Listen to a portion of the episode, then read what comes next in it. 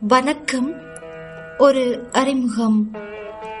என் அன்பின் புலம்பெயர்ந்து கனடாவில் வாழும் ஈழத்தமிழர்களே நான் உங்களைப் போன்று மிசிசாகா ஒன்டாரியாவில் வாழும் இருமொழி எழுத்தாளர் தொலைத்தொடர்பு சேவையில் பொறியாளராக பல காலம் பல நாடுகளில் வேலை செய்தவன். டெலஸில் சிரேஷ்ட பொறியாளராக அதோடு ஃபீல்முது தமிழர் சங்கம் மிசிசாகாவின் தலைவராக நான்கு வருடங்கள் சிறப்பாக கடமையாற்றினேன். இலங்கையில் தொலைத்தொடர்பு திணைக்களத்தில் பதிமூன்று வருடங்கள் வேலை செய்தவன். இலங்கை முழுவதும் நான் பயணம் செய்திருக்கின்றேன். மூன்று மொழிகளும் எனக்கு சரளமாக பேச வரும். நான் யாழ்ப்பாணம் நல்லூரைச் சேர்ந்தவன். நான் பன்னிரண்டு வயதில் வீரகேசரி தினகரனுக்கு எழுதத் தொடங்கி தொடர்ந்து எழுதி வருகிறேன். என் தமிழ் ஆங்கில நூல்களை அமேசான் டாட் காமில் வாசிக்கலாம். எனது ஒரு கிராமம் மாறுகின்றது என்ற நாவல் தமிழ்நாட்டில் இரண்டாம் பரிசும் விடிவு இல்லம் என்ற நாவல் முதலாம் பரிசும் விடிவு என்ற சிறுகதை முதலாம் பரிசும். முகங்கள் தலைமுறைகள் ஆகிய நூல்கள் விருதுகளும் தமிழ்நாட்டில் பெற்றவை. எனது நூல்கள் மின்னூல் வடிவில் உள்ளன. என் வெப்பக்கம் குவியம் டாட் காம். அதோடு சுமார் நானூறு அங்கத்தினர்கள் கொண்ட கூகுள் தமிழ் லிட்டரரி குரூப் நடத்தி வருகிறேன். நன்றி. மலடி என்ற எனது சிறுகதை இதோ. அபிராமிக்கு நித்திரை வரவில்லை. இரு பக்கமும் புரண்டு படுத்தாள். இரவு முழுவதும் அழுது அவள் முகம் வீங்கி போயிருந்தது. தலையணை கண்ணீரில் நனைந்திருந்தது. பக்கத்தில் இருந்த டிஜிட்டல் கடிகாரத்தை பார்த்தாள். அது காலை இரண்டு மணி காட்டியது. பக்கத்தில் தேவனும் அவளைப் போல் தூக்கம் வராமல் விழித்துக் கொண்டிருந்ததை அவளால் உணர முடிந்தது. அன்று பின்னேரம் டாக்டரிடம் போய் வந்த பின் இருவரும் அதிகம் பேசவில்லை. இரவு உணவு கூட அவர்களுக்கு வெறுப்பாக இருந்தது. ஆனால் அவர்கள் மனதுக்குள் ஒரு முடிவுக்கு வர போராட்டம் நடந்து கொண்டிருந்தது. மௌனமாக இரவு சாப்பாட்டை அவசர அவசரமாக முடித்துக்கொண்டு நேரத்தோடு வந்து படுத்தார்கள். வழமையில் தேவன் தான் பொறியியலில் உயர் படிப்பு படித்துக் கொண்டிருக்கும் யூனிவர்சிட்டியில் நடந்ததை கதை கதையாய் சொல்லுவான். அதேபோல் அபிராமியும் தான் தற்காலிகமாக வேலை செய்யும் ஆக்ஸ்போர்ட் ஸ்ட்ரீட் கடை ஒன்றில் அன்று சந்தித்த வாடிக்கையாளர்களின் அனுபவங்களை பரிமாறிக்கொள்வாள். ஆனால் அன்று மட்டும் இருவரும் பேச்சு மூச்சு இல்லாமல் இருந்தார்கள். எல்லாவற்றிற்கும் அந்த மெடிக்கல் ரிப்போர்ட் தான் காரணம். என்ன முடிவை நாங்கள் டாக்டருக்கு சொல்வது? அவர்கள் எதிர்பார்க்காதவாறு பரிசோதனைக்கு பின் வந்த ரிப்போர்ட் அமைந்திருந்தது. ஊர் நினைத்தது ஒன்று ஆனால் உண்மை வேறு. அபிராமிக்கு திருமணமாகும் போது வயது இருபத்தி இரண்டு பல்கலைக்கழகத்தில் கணக்கியலில் சிறப்பு சித்தி பெற்று படிப்பு முடித்து அடுத்த சில மாதங்களில் பெற்றோரின் வற்புறுத்தலுக்காக அவள் திருமணத்துக்கு இணங்க வேண்டியிருந்தது. அவள் மேலும் படிப்பை தொடர்ந்து எம்எஸ்சி செய்ய போட்டிருந்த திட்டமெல்லாம் நிறைவேறாமல் போய்விட்டது. காரணம் அவளின் அப்பாவுக்கு இன்னும் அதிக காலம் தான் உயிரோடு இருக்க மாட்டேன் என்ற பயம் பிடித்து கொண்டது. தனக்கு மாரகச் சனி தொடங்கிவிட்டதாம். தான் சாக முன் ஒரு பேரப்பிள்ளையாவது பார்த்தாக வேண்டும் என்று அவர் காரணம் காட்டினார். அம்மாவுக்கு அபிராமி அவ்வளவு இளமையில் திருமணம் முடிப்பது விருப்பமில்லை. ஆனால் தந்தையின் வற்புறுத்தலின் பேரில் திருமணம் நடந்தது. தேவன் அவளின் தகப்பனுக்கு தூரத்து சொந்தம். மின் பொறியாளராக கொழும்பில் வேலை பார்த்தவன். அவனுக்கும் அபிராமிக்கும் வயது வித்தியாசம் அவ்வளவுக்கு இல்லை. ஆக மூன்று வயதுதான் வித்தியாசம். அபிராமி பெற்றோருக்கு ஒரே மகள். ஓபசியராக இருந்து நிறைய சம்பாதித்தவர் அபிராமியின் தந்தை தம்பிராசா. ஓவசியர் தம்பிராசா சேர்த்த சொத்தில் யாழ்ப்பாணத்தில் ஒரு வீடு கொழும்பு கொள்ளுப்பட்டியில் ஒரு பெரிய வீடு அவர் பெயரில் இருந்தது. அதில் கொழும்பு வீட்டை அபிராமிக்கு சீதனமாக கொடுத்தார். தனக்கு பிறகு தன் சொத்தெல்லாம் அபிராமிக்கு என்றும் அவளுக்கு பிறகு அவள் பிள்ளைகளுக்கும் என்றும் அவர் உயில் எழுதி வைத்தார். ஆனால் அவர் எதிர்பார்த்த மாதிரி நடக்கவில்லை. அபிராமி கல்யாணமாகி பத்து வருஷமாகியும் பிள்ளை பாக்கியம் அவளுக்கு கிடைக்கவில்லை. அந்த கவலை அவளை வாட்டியது. ஊரில் அதை பக்கனையாக பலர் பேசினார்கள். மலடி என்ற பட்டம் அவளை தேடி வந்து ஒட்டிக் கொண்டது. தகப்பன் ஊரை ஏமாற்றி சொத்து சேர்த்தார் அது மகளினை காட்டி போட்டது என்று மறைமுகமாக சிலர் கதைத்தனர். கல்யாண வீடு சாமத்திய சடங்கு சுமங்கலி பூஜை போன்ற நல்ல காரியங்களுக்கெல்லாம் போகாமல் அவள் ஒதுங்கி நின்றாள். அவள் ஜாதகத்தின்படி அவளுக்கு உதயத்து செவ்வாய். அதனால் மன வாழ்க்கையில் குறை இருக்கும் என்று சாஸ்திரி சொன்னது அவளுக்கு நினைவுக்கு வந்தது. திருமணத்துக்கு முன் செவ்வாய் கிரகத்துக்கு சாந்தி கூட அவள் பெற்றோர்கள் செய்தார்கள். அப்ப ஏன் அப்பாவுக்கு தெரிந்திருந்தும் தான் சேர்த்த சொத்தை அனுபவிக்க ஒரு வாரிசு வேண்டும் என்றுதானே அவசரப்பட்டு கல்யாணம் எனக்கு செய்து வைத்தார். அபிராமி தன் தாயிடம் இவ்வாறு அடிக்கடி குறைப்பட்டுக் கொள்வாள். தேவன் தன் மனைவி மேல் அளவுக்கு அதிகமாக அன்பு வைத்திருந்தான். அவள் மனது நோக எதுவும் பேச மாட்டான் அதனால் அவள் இரண்டாம் திருமணம் அவனை செய்ய சொன்னபோது கோபத்தில் இரண்டு நாள் அவன் அவளோடு பேசவில்லை. அபிராமி நான் பத்து வருஷம் உன்னோடு கூடி வாழ்ந்து போட்டு எப்படி நான் இனி இன்னொருத்தியோடு வாழ முடியும்? ஒரு குழந்தைக்காக நான் மறு திருமணம் செய்ய வேண்டும் என்றால் ஒரு சமயம் எனக்கு இரண்டாம் தாரமாக வருபவளுக்கும் பிரச்சனை இருந்து குழந்தை கிடைக்காமல் போய்விட்டால்? தேவன் முற்றாக மறு திருமணம் செய்ய மறுத்துவிட்டான். ஒரு குழந்தையை ஸ்வீகாரம் எடுத்து வளர்க்க கூட அபிராமியின் பெற்றோர் அவ்வளவுக்கு ஆதரவு கொடுக்கவில்லை. மேல் படிப்புக்கான மூன்று வருட புலமை பரிசு பெற்று தேவன் லண்டன் பல்கலைக்கழகத்திற்கு போன போது அவன் கூடவே அபிராமியையும் அழைத்துச் சென்றான். ஊர்வாயில் இருந்து தப்புவதற்கு அது நல்ல சந்தர்ப்பமாக அவனுக்கு பட்டது.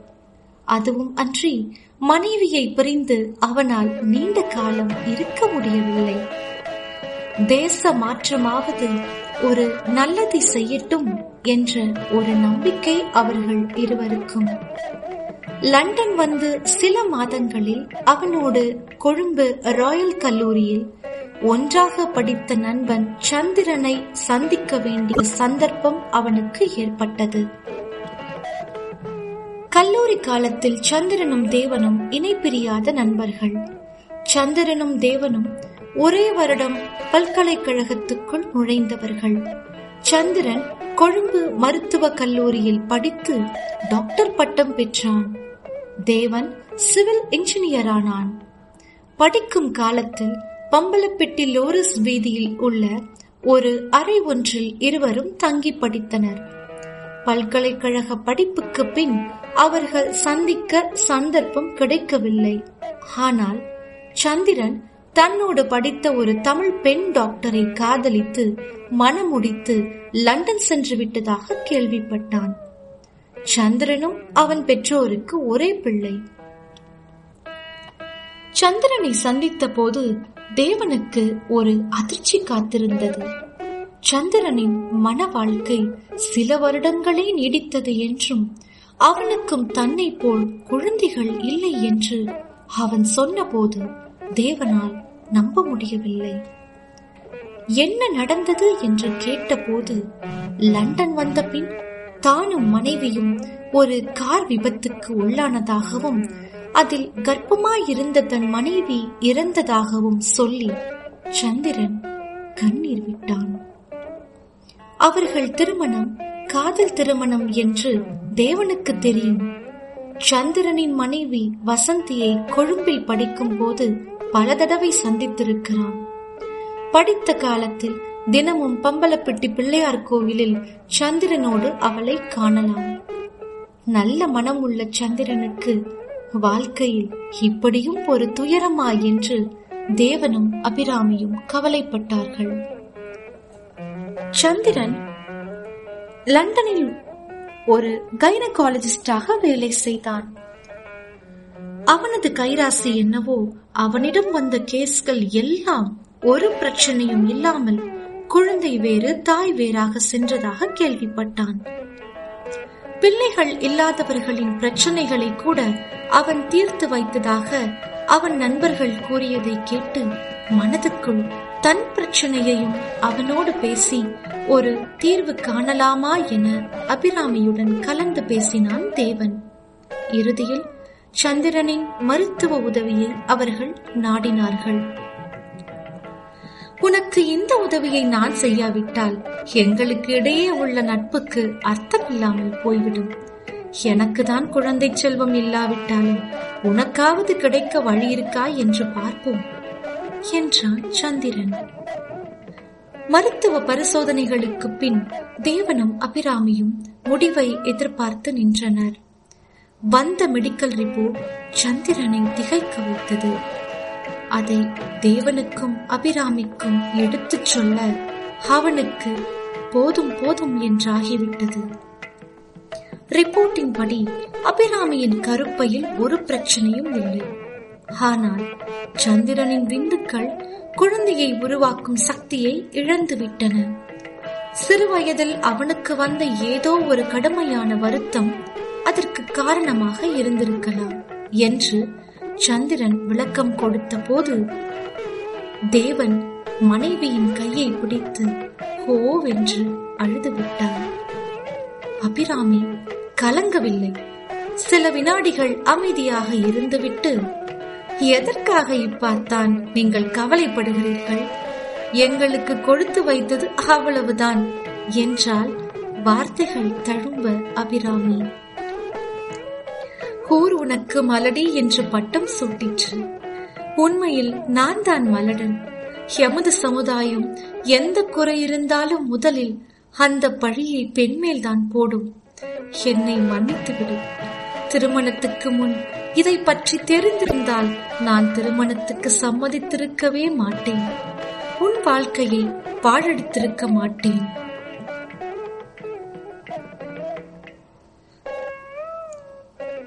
என்று அபிராமின் கையை பிடித்து அழுதான். அபிராமி பேசாமல் அமைதியாக என்ன விசர்கதை கதைக்கிறீள் எது நடக்க வேண்டும்? அது நல்லதாகவே நடக்கத்தான் செய்யும். மனம் வருந்தி பயனில்லை. இனி நடக்கப் போவதை பார்ப்போம். கீதையில் சொன்ன தத்துவம் பேசினாள் அபிராமி சற்று நேரம் சிந்தித்துவிட்டு டாக்டர் இதற்கு தீர்வு இல்லையா? என்றாள் மன தைரியத்துடன் அபிராமி ஏன் இல்லை? இந்த நவீன விஞ்ஞான உலகில் இல்லாத தீர்வுகளா? என்றான் டாக்டர் சந்திரன் அமைதியாக. அந்த பதிலை தேவனும் அபிராமியும் டாக்டர் சந்திரனிடம் இருந்து எதிர்பார்க்கவில்லை. என்ன சந்திரன் சொல்லுகிறீர்கள்? எங்களுக்கு குழந்தை கிடைக்க வழி உண்டா? தேவன் கேட்டான். ஆம் உண்டு. ஆனால் படித்து நீங்கள் இருவரும் உங்கள் இருவருக்குள்ளும் கலந்து ஆலோசித்து ஒரு முடிவுக்கு வர வேண்டும். இது உங்கள் இருவருக்கும் எனக்கும் இடையிலான ரகசியமாக இருக்கட்டும். என்று கூறிவிட்டு செயற்கை முறையில் கருப்பைக்குள் விந்துவை செலுத்தி குழந்தை பெற வைக்கும் முறையை விபரமாக விளக்கினார் சந்திரன். தேவனும் அபிராமியும் அதை கேட்டதும் வாயடைத்து போய் இருந்தார்கள். என்ன பேசாமல் மௌனமாக இருக்கிறீர்கள்? பத்து வருஷமாக உங்களுக்கு குழந்தை இல்லை. இப்போ ஒரு வழி இருக்கிறது.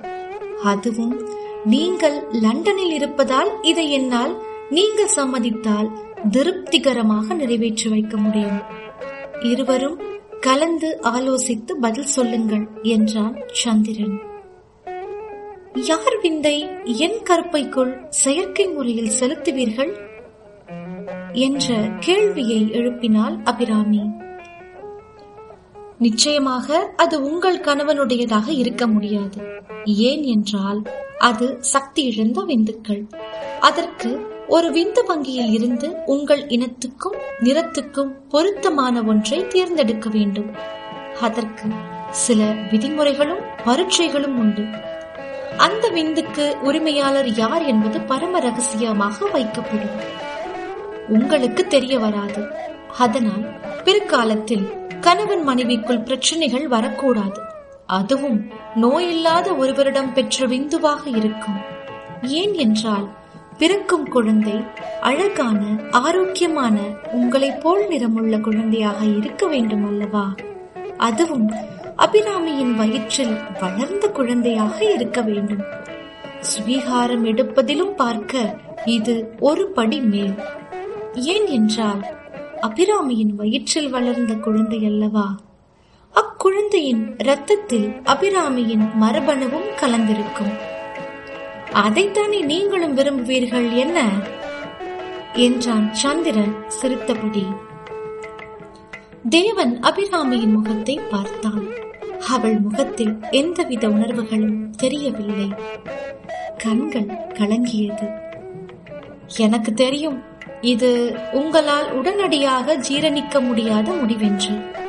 நீங்கள் இருவரும் அவசரப்படாது ஆழ்ந்து சிந்தித்து பேசி முடிவெடுத்துவிட்டு உங்கள் இருவருக்கும் சம்மதம் இருந்தால் என்னை வந்து சந்தியுங்கள்.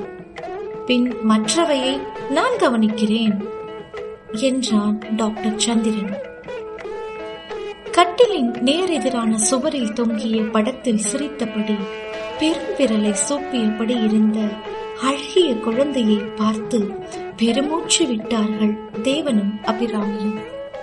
இது போல் இருக்குமா? டாக்டர் சொன்ன குழந்தை. இரவு இரவாக தேவனும் அபிராமியும் ஒரு முடிவுக்கு வர முடியாது தவித்து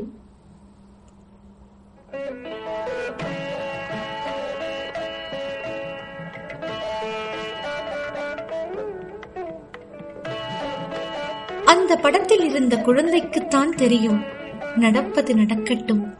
எனக்கும் அவருக்கும் தேவை. என்மேல் உள்ள மலடி என்ற பட்டத்தை போக்க ஒரு குழந்தை என்று அபிராமி மனதில் ஒரு முடிவுக்கு வந்தவள் போல் கண்களை துடைத்துக் கொண்டு அத்தான் நாளைக்கு டாக்டர் சந்திரனுக்கு டெலிபோன் செய்து நாங்கள் வந்து சந்திப்பதாக சொல்லுங்கள் என்றாள் அபிராமி மனதைரியத்துடன். அதத்தான் அபிராமி நானும் தீர்மானித்தேன். நான் நினைக்க நீ சொல்லி போட்டாய். என்றான் தேவன் அமைதியாக. படத்தில் இருந்த குழந்தை அவளை பார்த்து சிரிப்பது போல் இருந்தது அவனுக்கு. அவளுக்கு தன் வயிற்றில் அதே போல் குழந்தை ஒன்று ஊறுவது போன்ற உணர்வு. தான் தாயாக போகிறேன் என்ற பெருமை முகத்தில் பிரதிபலித்தது. இனி சமூகம் தன்னை மலடி என்று ஒதுக்கி வைக்க மாட்டாது. சடங்குகளில் எனக்கும் ஒரு இடம் உண்டு. ஒரு வருடத்துக்குள் அபிராமி ஒரு அழகிய ஆண் குழந்தைக்கு தாயானாள். தங்களை பார்க்க வந்த சந்திரனுக்கு நன்றி தெரிவிக்கும் முகமாக தங்கள் இரு கைகளை கூப்பி தேவனும் அபிராமியும் வணங்கினார்கள். இதென்ன பழக்கம் தேவன்? என் கடமையைத்தான் நான் செய்தேன். நீ என் நண்பன். அதை மறந்து விடாதே நீ என்னை கும்பிடுவது என் மனதுக்கு ஒரு மாதிரியாக இருக்கிறது என்று கூறியபடி அவனது இரு கரங்களையும் பற்றி கீழே தாழ்த்தினார் சந்திரன். டாக்டர் இவர் படிப்பு இன்னும் நான்கு மாதங்களில் முடியப் போகிறது. அதற்கு பிறகு நாங்கள் ஊருக்கு திரும்ப இருக்கிறோம். அப்பாவுக்கும் அம்மாவுக்கும் தங்களுக்கு பேரப்பிள்ளை கிடைத்ததை விட்டு பெரிய மகிழ்ச்சி. கால் எடுத்து பேசினோம் என்றாள் அபிராமி. அவர்களுக்கு ஏதாவது சொன்னீர்களா? என்றார் சந்திரன். உங்களுக்கு கொடுத்த வாக்குறுதியை நாங்கள் மீறுவோமா? என்றான் தேவன். நல்லது நானும் மாற்றலாகி.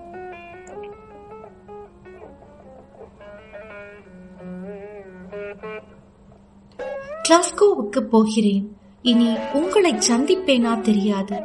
அதனால் உங்கள் குழந்தைக்கு என் சிறிய பரிசு ஒன்றை கொடுக்க விரும்புகிறேன் என்று ஒரு கடித உரையை அபிராமியிடம் சந்திரன் கொடுத்தார். என்ன டாக்டர் இது? நாங்கள் அல்லவா உங்களுக்கு பரிசு தர வேண்டும்? என்றாள் அபிராமி. சந்திரன் நீர் செய்த இந்த பெரிய உதவி போதாது என்று இதுவுமா?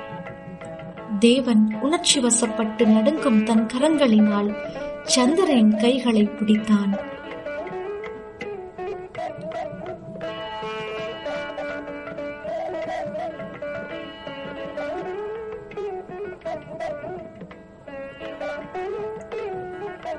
சந்திரன் பதில் பேசாது குழந்தையை தேவனிடம் இருந்து வாங்கினான். குழந்தையின் மிருதுவான கன்னத்தில் முத்தம் கொடுத்துவிட்டு தன் கண்களில் வந்த கண்ணீரை அவர்கள் காணாதவாறு துடைத்துக் கொண்டு சரி நான் வாரன். எனக்கு வேலை இருக்கு என்று பதிலை எதிர்பார்க்காமல் அறையை விட்டு வெளியேறினான்.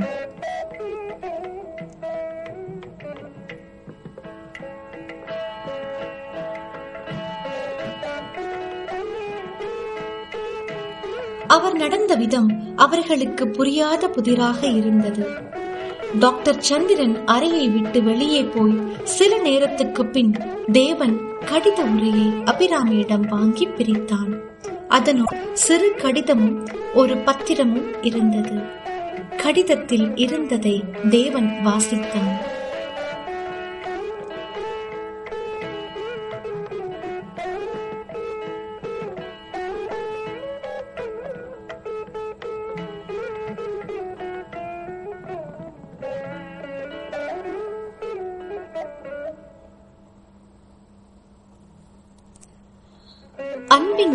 தேவனுக்கும் சகோதரி அபிராமிக்கும்.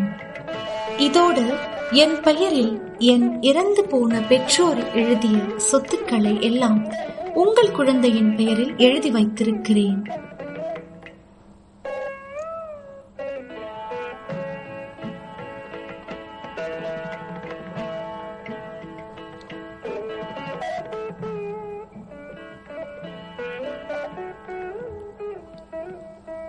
இனி எனக்கு சொத்துக்கள் தேவையில்லை. நான் மறுமணம் செய்து கொள்ளப் போவதில்லை. என் வாழ்வில் எனக்கென இருந்தவள் வசந்தி ஒருத்திதான். இது உங்கள் மகனுக்கு என் பரிசு. ஒரே ஒரு வேண்டுகோள். என் மனைவி விபத்தில் இறக்கும் போது அவள் ஆறு மாத கர்ப்பம்.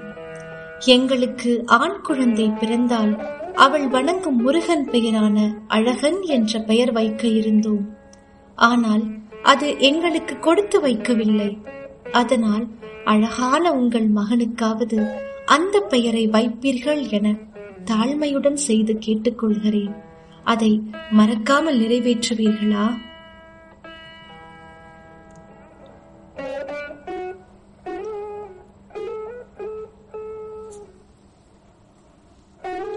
இப்படிக்கு சந்திரன் கடிதத்தினதும் உயிலினதும் அர்த்தங்களை அவர்கள் புரிந்து கொண்டார்கள்.